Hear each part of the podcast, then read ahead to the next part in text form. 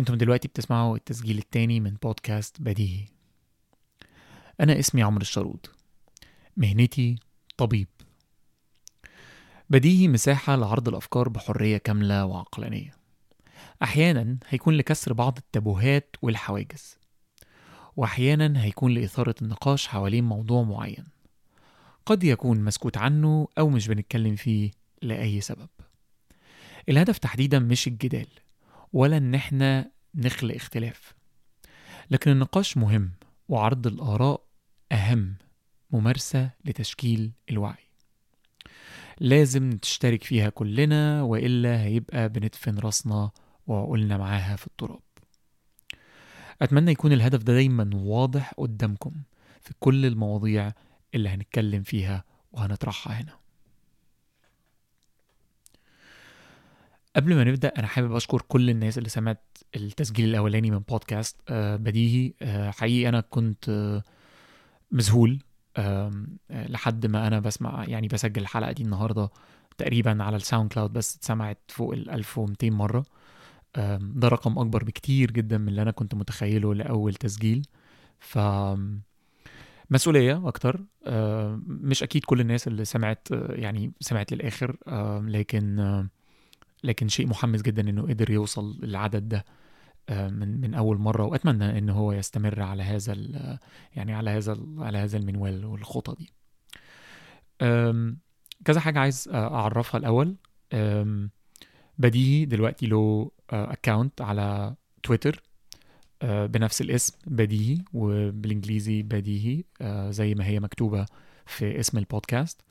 آه، روحوا على تويتر واعملوا follow بعد كل حلقة هنشر عليها كل ال- ال notes وكل الحاجات ال- اللي اتقالت في الحلقة آه، في شكل tweets بحيث إنها تفتح نقاش ما بين كل الناس اللي بتسمع إن هي ممكن تقول رأيها تؤيد تختلف تعترض تعرض فكرة جديدة تظهر لينا الحاجة بطريقة تانية. أظن هتكون بداية لطيفة لأن إحنا نخلق فيها المساحة دي. تاني شيء ودي ودي جايز فكرة يعني ريسكي شوية. آه، فكرة أنا حقيقي شخصيا ما شفتهاش قبل كده لكن حابب إنها تكون جزء من تجربة بديهي. آم، في الإيميل بتاع بديهي اللي هو بديهي بودكاست at gmail dot com وهحطه برضو على تويتر account بحيث إن هو يبقى موجود أي حد يقدر يوصل له. واللي أنا بطلبه من أي حد بيسمع لو حابب إن أنت تشارك أو إن أنت تشاركي برأي بتسجيل صوتي في مدة ما بين الدقيقة للدقيقتين. تعليقا على أي جزء في الحلقة أو رأي أو فكرة أو عرض الشيء مع كونسنت ومع موافقة لإن إن الرأي ده أو التسجيل الصوتي ده يتنشر على بديهي يتبعت لي على الإيميل وإن خلال الأسبوع اللي بعد نشر الحلقة أحاول أجمع فيه كل الإيميلات اللي بتجيلي ويبقى بعد كل الحلقة ما بين التسجيل والتسجيل يكون في bonus track أو شيء مراجعة للحلقة اللي فاتت مدة قصيرة بنعرض فيها آراء ناس مختلفة. الفكرة ممكن تكون معقدة وأنا مش عارف هتقدر يعني تستمر ولا لأ أو تنجح ولا لأ لكن أتمنى إن إحنا نقدر آه، نعملها لأن ده هيكون يعني هيكون آه، مشاركة أعمق وأكبر ويكون بديهي فعلا تخطى من إن هو واحد بس بيتكلم لأن ناس كتير آه، في كل موضوع بنفتحه بتتكلم وبتقول رأيها وبتعرض تجربتها وبتعرض أفكارها وآرائها في الموضوع. ف... فدول الحاجتين اللي حبيت أبدأ بيهم النهاردة. فبعد كده يلا بينا ندخل في الموضوع.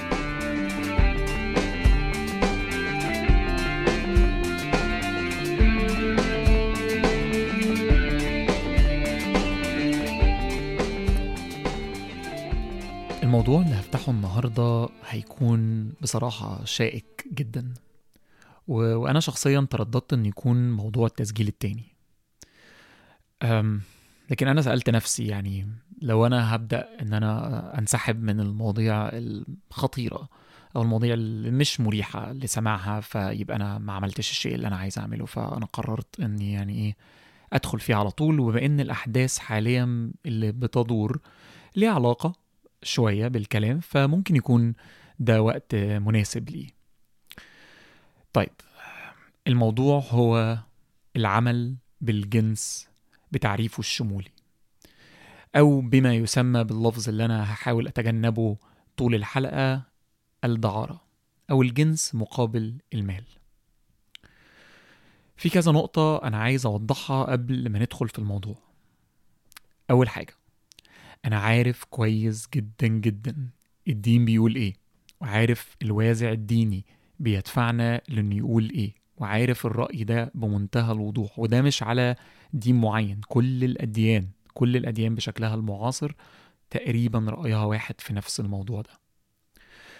وعارف إن هيكون ال ال الوازع الديني هيكون أكبر عائق في إن النقاش يتفتح حوالين الموضوع وده شيء طبيعي وشيء محمود.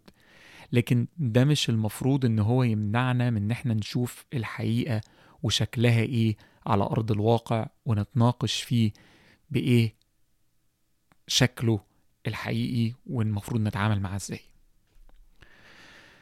تاني حاجة هتشكل عائق في الكلام عن العمل بالجنس بشكل عام وهي مشكلة الجنس بشكل عام. ومواضيع زي الشرف و... و... واللي هي للوهلة الأولى تبدو بسيطة لكنها حاجة في غاية التعقيد وخادعة لأن كل واحد بيقيس الموضوع على نفسه وبيشوف الموضوع من خلال العوامل الثقافية اللي اتأثرت أو اللي المجتمع اللي حواليه أثر فيه بيها وبيظن إن نظرته دي هي قطعية الثبوت وكل ما يخالفها مش حقيقي وباطل ودي معضلة حقيقي كبيرة في فكرة إن إحنا بنبقى شايفين الموضوع من وجهة نظرنا وشايفين إن إن إن ده القرار أو هو ده الصح وده الغلط. لكن في الحقيقة على على أرض الواقع وفي المعاملات ما بين المجتمع المواضيع أكثر يعني تعقيدا من كده حتى لو صعب إن إنها تتعرض. وأتمنى إن برضو ده ما يكونش عائق لأن أنت تسمع اللي هحاول أعرضه من غير يعني أنا أنا ما عنديش رأي كامل في الموضوع. لكن عايز أعرض المشكلة هنا فين وليه إحنا محتاجين نتكلم في الموضوع ده. بس كده دول النقطتين اللي حبيت أوضحهم في الأول عشان الكلام اللي هيبقى كله بعد كده مبني على الأنز... على على على بس مب... مبدأ الإنسانية وعلى الرحمة وعلى التفاهم. طيب نبدأ بقى الحلقة منين؟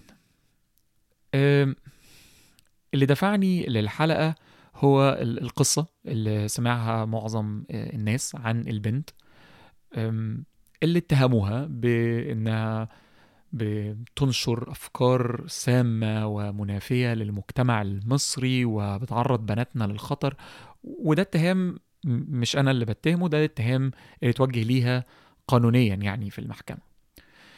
وبرضو الموقف اللي بيتبناه المصريين في إن هم يكونوا دايما انشقاقيين ما بين حماية حصن الشرف وقلعة المرجلة وما بين الناس اللي بتطالب بإن هي يعني عملت إيه دي حتة بنت صغيرة وهكذا.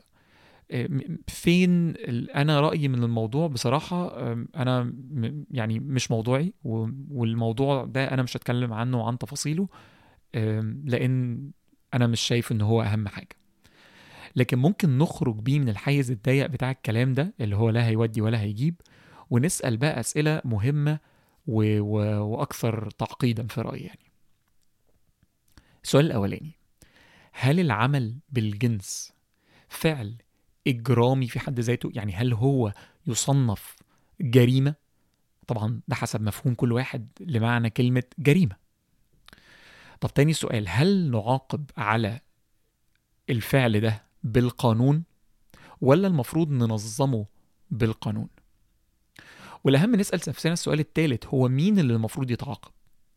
اللي بيعرض العمل للجنس اللي بيعرض السلعة ولا اللي بيطلبها ولا اللي بينظمها ولا اللي بيستغلها؟ مين اللي المفروض يتعاقب؟ وأخيرا بقى نسأل نفسنا إحنا بنحمي مين لما بناخد أي قرار؟ سواء بالتأييد بالسلب بإن إحنا عايزين نمنع نعاقب نجرم ننبذ. إحنا بنحاول نعمل إيه؟ وإيه الدوافع اللي بتحركنا علشان ناخد القرارات دي؟ هل تفكيرنا في الموضوع عاطفي وبس؟ ديني وبس؟ ولا التفكير واعي وعقلاني وبديهي؟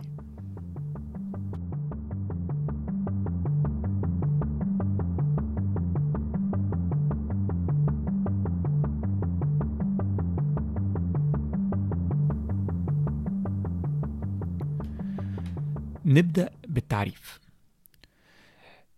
ممارسة الجنس أو احتراف الجنس بأجر معين هو اتفاق اتفاق ما بين شخصين بشكل مسبق و... والاتفاق ده بي... بيكون ما بين شخص بي... بيقدم الجنس وما بين شخص بيطلب الجنس ومش بينحصر بس في العلاقة الجنسية التقليدية لكن في أشياء كتير تانية بتندرج تحت العمل بالجنس.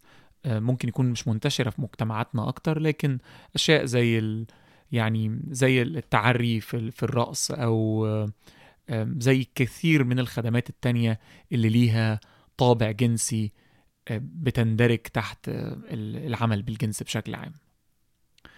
يقال إنها أقدم مهنة عرفها الإنسان. دايما بتتحط كده في بداية كل موضوع. أنا مش عارف تحديدا أصل ال أصل المعلومة دي فين وحاولت أدور عليه ما لقيتهوش لكن واضح الناس بتحب تقول إن هي أقدم مهنة عرفها الإنسان رغم إن أنا متأكد إن أكيد في مهن يعني كانت أقدم من كده. طيب قبل ما ما نفصص الأسئلة اللي إحنا سألناها دي تعالوا ما نحكي قصة العمل بالجنس في مصر منذ فجر التاريخ لحد ما بقت جريمة في نهاية الأربعينات بس مش من زمان قوي يعني زي ما كتير مننا قد يكون متخيل.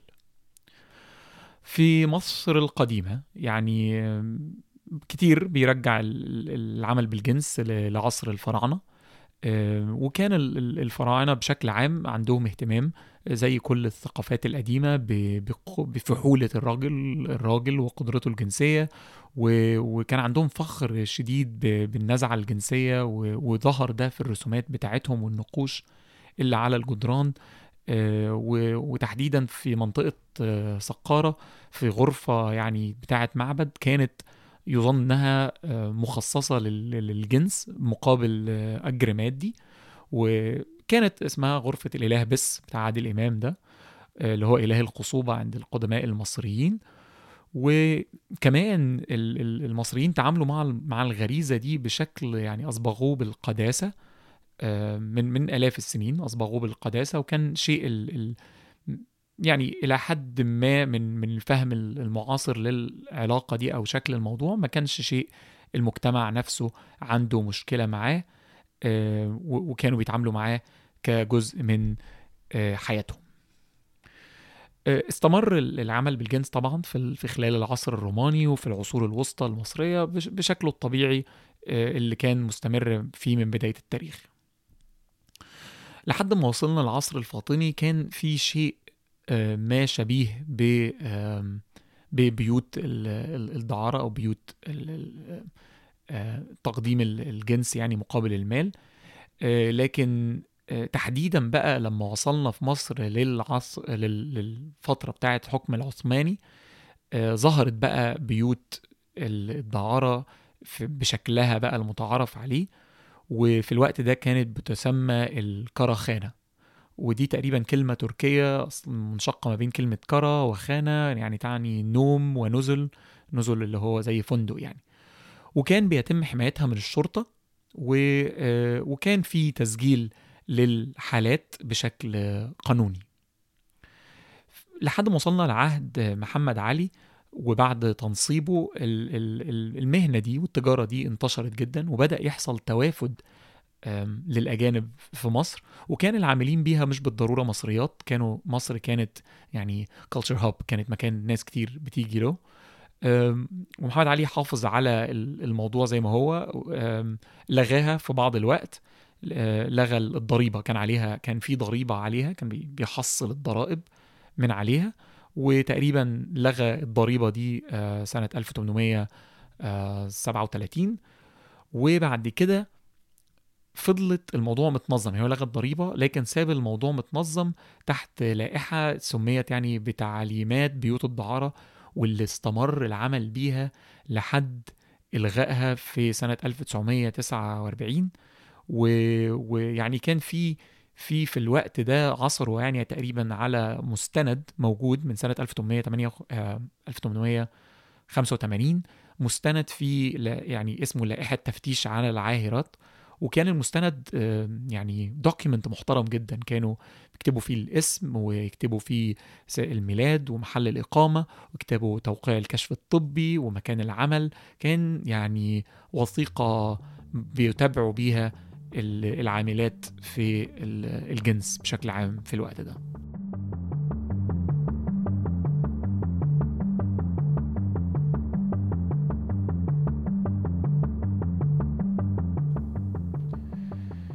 ينتهي الموضوع بقى بقصة إلغاء الدعارة في مصر وتجريمها وما يسمى بمقلب سيد جلال الجيلاني.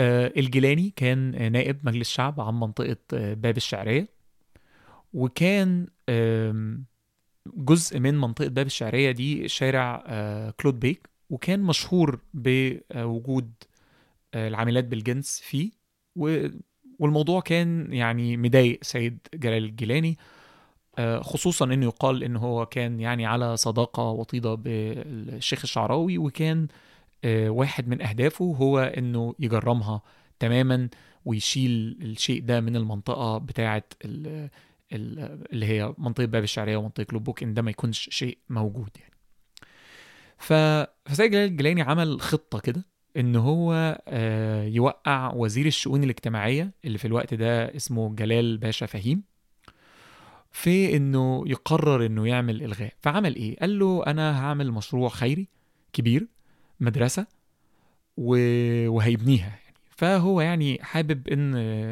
جلال باشا جلال باشا فهيم يروح يحضر أو يشوف الموقع ويفرح أهالي الدائرة بتاعته. وفعلا الوزير قرر إن هو يروح وركب الحنطور بتاعه.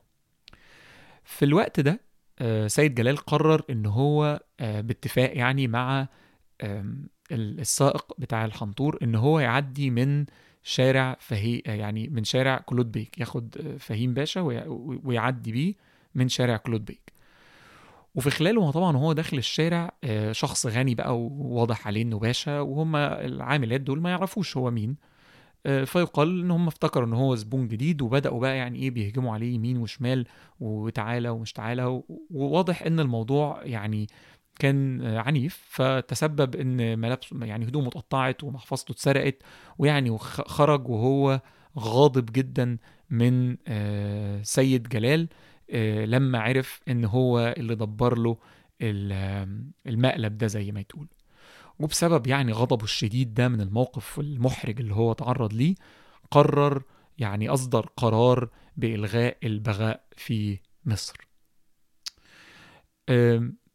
مقلب الموضوع يعني كان مقلب عشان يلغوا بيه.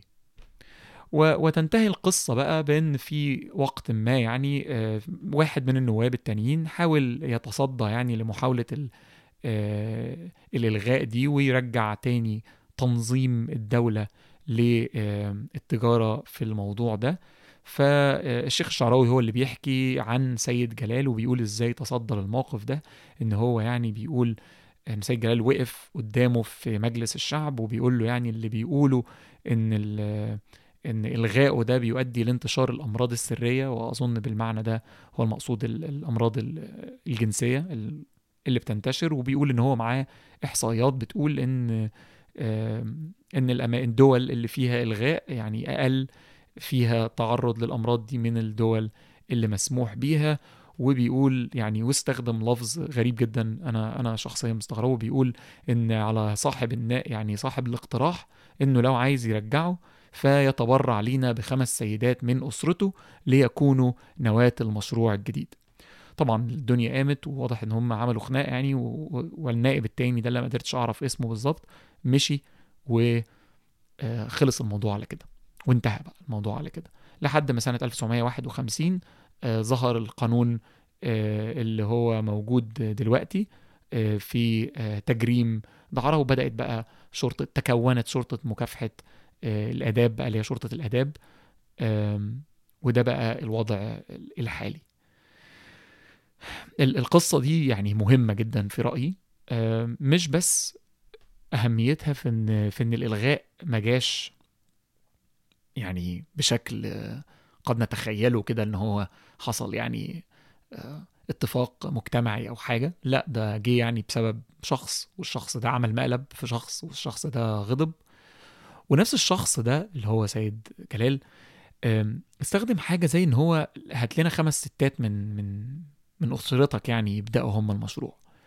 و- وف- وال- والكلمة دي تحديدا بتنم على العقلية اللي أنا شايف إن فيها مشكلة تحديدا في النظرة للموضوع وكأن وجود هذا الشيء في المجتمعات يعني يعيب الكل أكنه هو كل الناس ممكن آه، يعني تمارسه وتتعرض ليه وتبقى جزء منه مش على إنه هو حالة ثقافية آه، معينة و- وخاصة جدا ومرتبطة بمجتمع معين حقيقي يعني منفصل تماما عن الحقيقة ال- ال- اللي معظم بقية المجتمع في المتوسط أو حتى الفقير.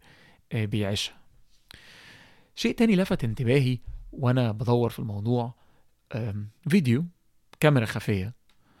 آم، شاب من واحد من الجرايد المصرية عمله بيوقف في الشارع وبيوقف ال- الناس. يقول لهم أنا مذيع من قناة تركيا وإحنا يعني أنا عايز أسألك على رأي إن إحنا نرجع الدعارة لمصر. وإن الدعارة لمصر دي يعني هتبقى فايدة كبيرة وهتدخل حاجة. فطبعا الناس آه، يقولوا له أنت أنت منين؟ يقول له يقول لهم أنا تركي. هو يعني بي- بيتكلم مكسر كده أنا تركي. فيقولوا له أنتوا عندكم يعني دعارة في تركيا؟ يقوم الشخص يقول لا إحنا عندنا وبتدخل لنا دخل كبير. يقوم الناس رجالة معظمهم يعني كل الفيديو كانوا رجالة ما بين كل الأعمار شباب ورجالة كبيرة. يعني يعني يتشالوا ويتهبطوا ويتعصبوا ويبدأوا بقى في سيل من السب وال- والقذف والشتيمة لدرجة إن في واحد من الشباب يعني مسك المذيع وبدأ يتعدى عليه بالضرب وشاله كده وحطه فوق عربية وبدأ يضرب فيه لدرجة إن الناس بدأوا يتدخلوا. آه بغض النظر عن إيه إيه الأبعاد أو إيه سبب يعني إيه الهدف من الفيديو يعني إن إحنا نقول آه ده تركيا يعني ده فيديو من فيديوهات آه، الكيد الخيبانة. لكن ال ال الانفعال الشديد اللي أصاب كل الرجالة دي من مجرد عرض الفكرة آم، برضه شيء مثير بالنسبة لي. يعني هل الغضب نابع من ده شيء شرف وحرام و... و... ويغضب ربنا؟ يعني ما بنشوفش الانفعال ده قصاد حاجات كتير تانية بتغضب ربنا. يعني اشمعنى الشيء ده تحديدا هو اللي بيثير يعني الغضب الشديد ده عند الناس. ف- فتعالى ما نقطع الموضوع كده ونحاول ان إحنا إيه نشوف ليه ده بي ده بيحصل أو ال- الانفعال ده نفسه بيحصل.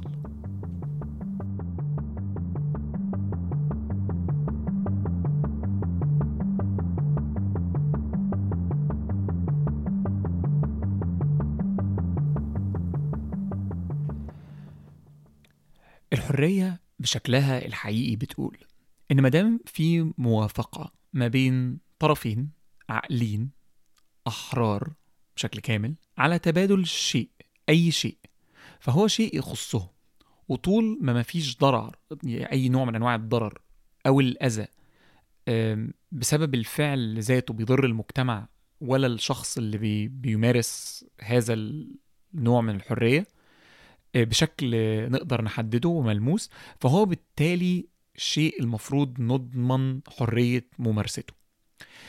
أنا مش بقول إن المفروض نعمل أي حاجة أنا أنا بس بتكلم على الفكرة العامة اللي المفروض إن إن الناس اللي مؤمنة بالحرية لأن مش كل الناس مؤمنة بشكل كامل للحرية لكن الناس اللي مقتنعة بالحرية ال- الكاملة المفروض يكون ده المبدأ على الأقل بتاعها أو على الأقل ده المبدأ بتاعي.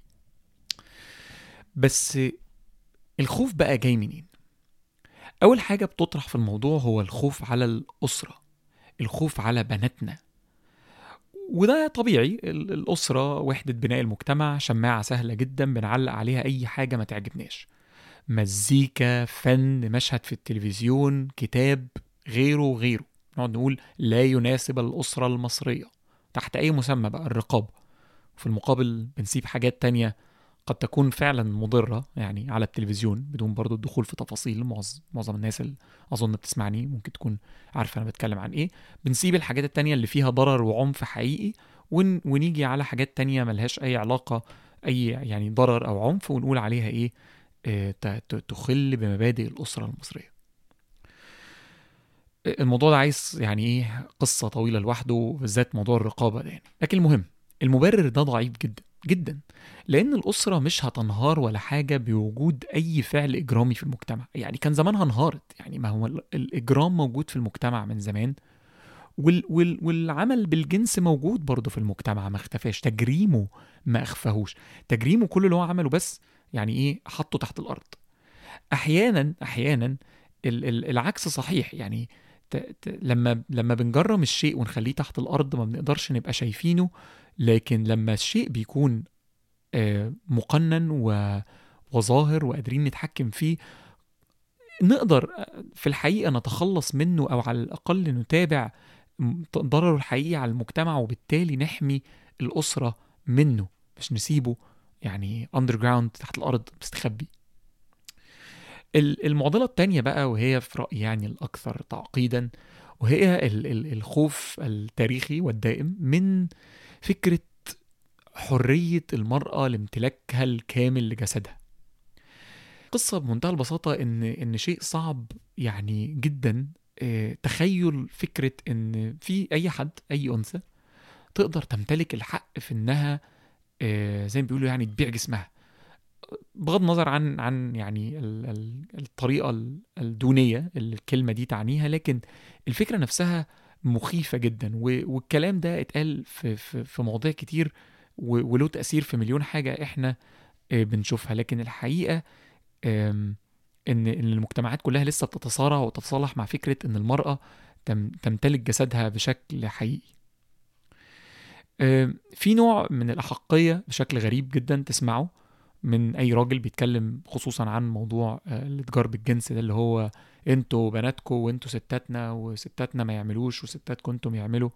وبرضه أحيانا بعض الإناث بتتكلم بنفس الطريقة وكأن برضو جسد المرأة ورغباتها وحركتها ولبسها وكلامها يعني جزء المفروض يكون تحت يعني سياق وموافقة معينة وكتالوج آه، ويا ريته يعني كتالوج صريح أو مفهوم يعني. يعني برضو تفاصيل كتير في في القصة دي لكن في النهاية العمل بالجنس الكلام عنه ونقاشه بيثير يعني التحفظ و- والضيق عند ناس كتير لأن هم مش قادرين يتخيلوا أو يتقبلوا إن إن في أي حد ممكن يعني يقبل ده أو أو يبقى شيء موجود آه، في في الحقيقة. آه، هنا بقى محتاجين نسأل نفسنا مين أصلا اللي بيعمل بالجنس. وليه بيكون يعني في الموقف ده بالأساس؟ وهل المفروض الشخص ده إحنا نساعده ولا إن إحنا نحبسه يعني؟ هل المفروض إن إحنا نعامله على إنه ضحية ولا على ولا على إنه يعني مجرم أو مجرمة آه، في حد ذاتها؟ العمل بالجنس والجدال حوالين تجريمه من عدمه هو في الحقيقة يعني كلام ونقاش حديث نسبيا في العالم كله مش مش بس في مجتمعاتنا يعني في مجتمعاتنا بعيد جدا عنه لكن في العالم كله مازال نقاش قائم حواليه ما بين الحقوقيين وما بين الأكاديميين وما بين ال ال ال المحافظين. آه، نقاش بطبيعته مفعم ومليان بالمشاعر والحاجات اللي هي زي الأخلاق والشرف اللي بيبقى الجدال حواليها أصلا صعب. المؤيدين للتجريم بيقولوا إنها تجارة بتفترس الحلقات الأضعف في المجتمع. الفقراء والمهاجرين أطفال الشوارع الهاربين من العنف آه، سواء من العنف الأسري أو الهاربين في الشوارع واللي في حاجة شديدة وملحة جدا جدا.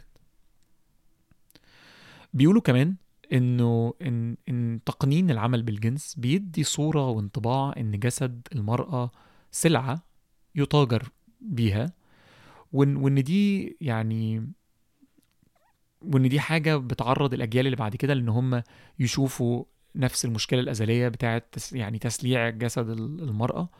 وكل دي يعني حاجات أطروحات تستاهل النقاش حواليها لأنها منطقية.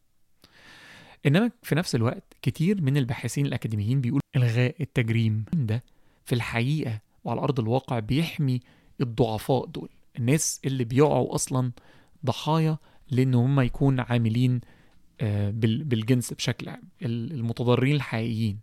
وبالعكس ممكن يكون تقنينه زي ما قلنا الطريقة الوحيدة إنه نقدر نتخلص منه لما نطلعه آه للنور وإن الضوابط تحمي اللي يعني محشورين فيه وبالتالي يعني يقدروا يخرجوا منه وبالتالي نقدر نحمي المجتمع كله. كمان عالميا يعني في كل الدنيا الباحثين يعني كتير منهم قرروا على لسان العاملين بالجنس نفسهم في دراساتهم إن أكبر أكبر ضرر بيقع عليهم مش من العملاء آه، ولا من الناس اللي شغالين معاهم في التجارة يعني اللي هي خطيرة جدا وعنيفة جدا في الأساس لكن في الواقع بيقع من عنف الشرطة والسلطة وبطشها الشديد جدا عليهم. يعني أفتكر في الموقف ده آه، محمد هنيدي وهو بيقول يعني إزاي تتهجموا على الناس آه، بالشكل ده في بيوت الدعارة. على الرغم إن هو كان يعني كلام كوميدي جدا يعني لكن هجوم شديد بطش شديد جدا لشيء مجرم آه، وبنعاقب فيه الأضعف حلقة. آه، لاحظ تاني إن ال إن ال إن الجنس تجارة عنيفة بيقع فيها الأشخاص الأكثر هشاشة في المجتمع. الأشخاص اللي حر يعني ما عندهمش حلول تانية تماما للنجاة. قصص كتير جدا ممكن نحكيها عن دول وعن الناس في مصر اللي, اللي بيقعوا تحت طائلة هز يعني هذه التجارة. فهل هم دول المجرمين؟ يعني هل هم دول اللي إحنا المفروض القانون يبطش بيهم ويطبق عليهم ويدانوا؟ هل هم المجرمين الحقيقيين ولا الضحايا للمشكلة دي؟ وهل لما تبقى جريمة ويبقى آه، في عقوبة مهما كانت مهما كانت العقوبة دي فهل هتفرق في حاجة؟ يعني هل ده بيخلي مثلا التجارة دي آه، تختفي أو تقل؟ هل بتحمي الناس دي؟ هل أصلا بتحمي المجتمع؟ ولا هو مجرد حالة من تفريغ الغضب والسخط؟ فيهن في هؤلاء العاملات والعاملين آه، بالجنس في المجتمع. معضلة برضو تانية في النقاش في الموضوع ده هي في رأيي يعني تحديدا في المجتمعات المحافظة نابعة من هالة القدسية حوالين ممارسة الجنس في العموم. حتى الكلام عنها والتحرر فيها بين المتجوزين كان يعني مقيد بشدة آه، فطبيعي يعني حاجة زي دي نطة بعيدة قوي آه، وأظن يعني إن كتير من اللي بيسمعوني دلوقتي ممكن يكونوا متضررين أو يعني عندهم كلام كتير يقولوه عندهم آراء يقولوها وهحب أسمعها جدا وهحب إن إحنا نتكلم فيها بس هو ده الهدف إن إحنا نتكلم فيها بدل ما نتجاهلها.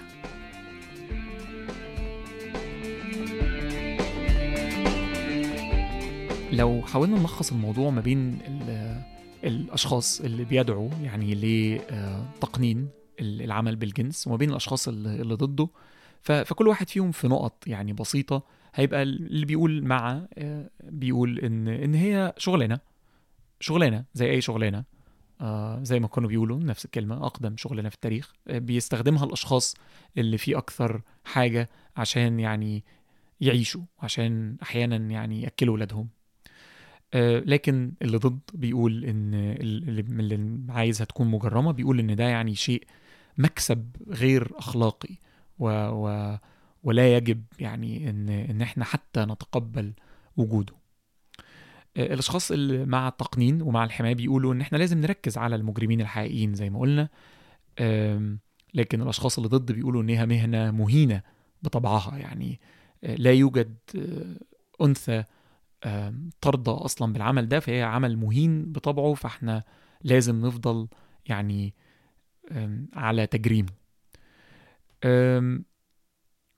الأشخاص بيقولوا إن إن إن اللي مع إنه بيقولوا إن إحنا ممكن نحافظ على صحة المجتمع بشكل عام لو إحنا قدرنا إن إحنا نعرف ونحصر كل العاملين والعاملات بالجنس. لكن اللي ضد بيقولوا إن ده مش هيحصل وإن هي دايما هتفضل يعني تجارة خطيرة و- وغير صحية تماما. في كذا نوع من أنواع التجارب اللي حصلت في العالم كله على قصة التجريم دي لكن أم، أظن إن محدش نجح بشكل كامل.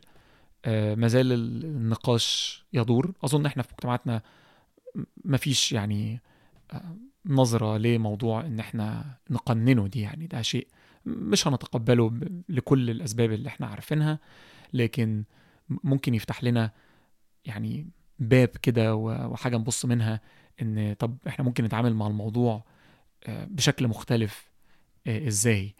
آم، خصوصا ان إن إحنا عندنا عندنا حاجات في مجتمعاتنا وبنسمع عنها وموجودة آه، مش بعيدة قوي عن فكرة ال- الجنس مقابل المال آه، مش مش بالضرورة تكون في نفس التجارة دي لكن عندنا حاجات ظهرت قبل كده وأثارت جدال واسع جدا.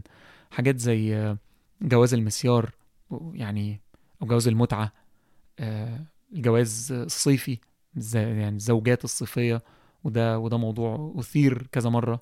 رجالة اللي بتيجي من الخليج آه، تتجوز بنت فقيرة آه، من وأهلها ياخدوا فلوس معينة. والبنات دول بيكونوا مش بالضرورة أصلا يعني رافضين.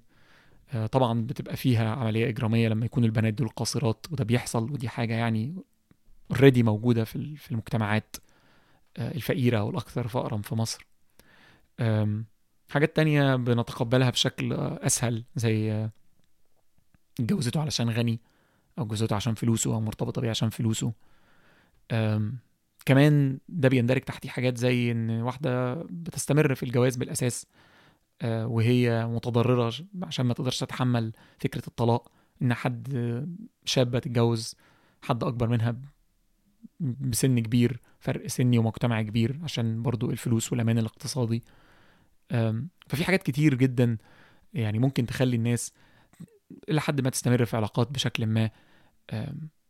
مش ضروري الجنس بس لكن في علاقات ما بسبب آه، الفلوس والوضع والوضع الاقتصادي. في معضلات أخلاقية تانية يعني ممكن نبقى نديها مساحة أكبر من كده بعد كده لكن آه، الدنيا بتتطور بسرعة و وال- والأفكار بتاعة ال- ال- الجنس نفسها بتتطور بسرعة و- وإحنا في زمن دلوقتي في حاجات زي السكس دولز وإن في يعني نوع من أنواع المجسمات العرايس دلوقتي بيدوها كمان ذكاء اصطناعي بحيث إنها ممكن يعني تتعامل مع الشخص وت- وتبقى يعني رفيق ليه مش مجرد آلة وأداة بيمارس الجنس معاها.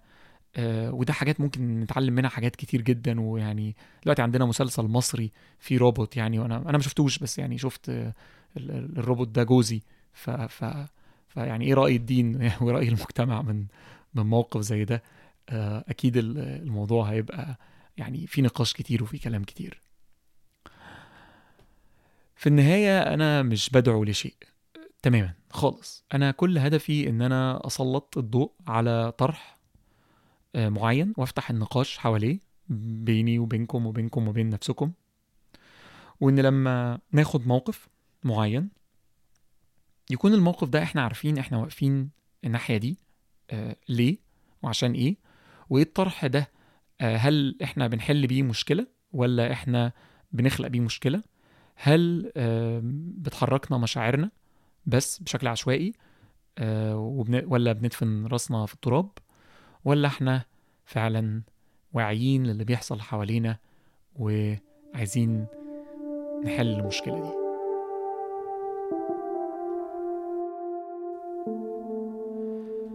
بس كده آه شكرا ليكم إنكم سمعتوا التسجيل التاني من بودكاست آه بديهي أنا هستنى المشاركة بتاعتكم على تويتر. آه، هبدأ ببعض المصادر وبعض المقالات اللي أتمنى تقروها وتشاركوني رأيكم فيها. وهعرض بعض ال- ال- النقط اللي إحنا اتكلمنا فيها في الحلقة وأحب إن دايما النقاش ده يستمر. آه، أتمنى الناس تبدأ تبعت ال voice notes دي آه، إذا كانت تحب بتعليق على نقطة معينة أو في رأي معين بشكل عام. آه، في الموضوع تحديدا هحاول إن أنا أجمعهم وإن هم يكونوا bonus track يعني هديهم أسبوع أو ممكن أكتر حسب هيجوا في خلال قد إيه في التجربة دي. ف في النهاية أتمنى إني آه، أكون يعني جذبت انتباهكم و... وأثرت اهتمامكم. شكرا ليكم وسلام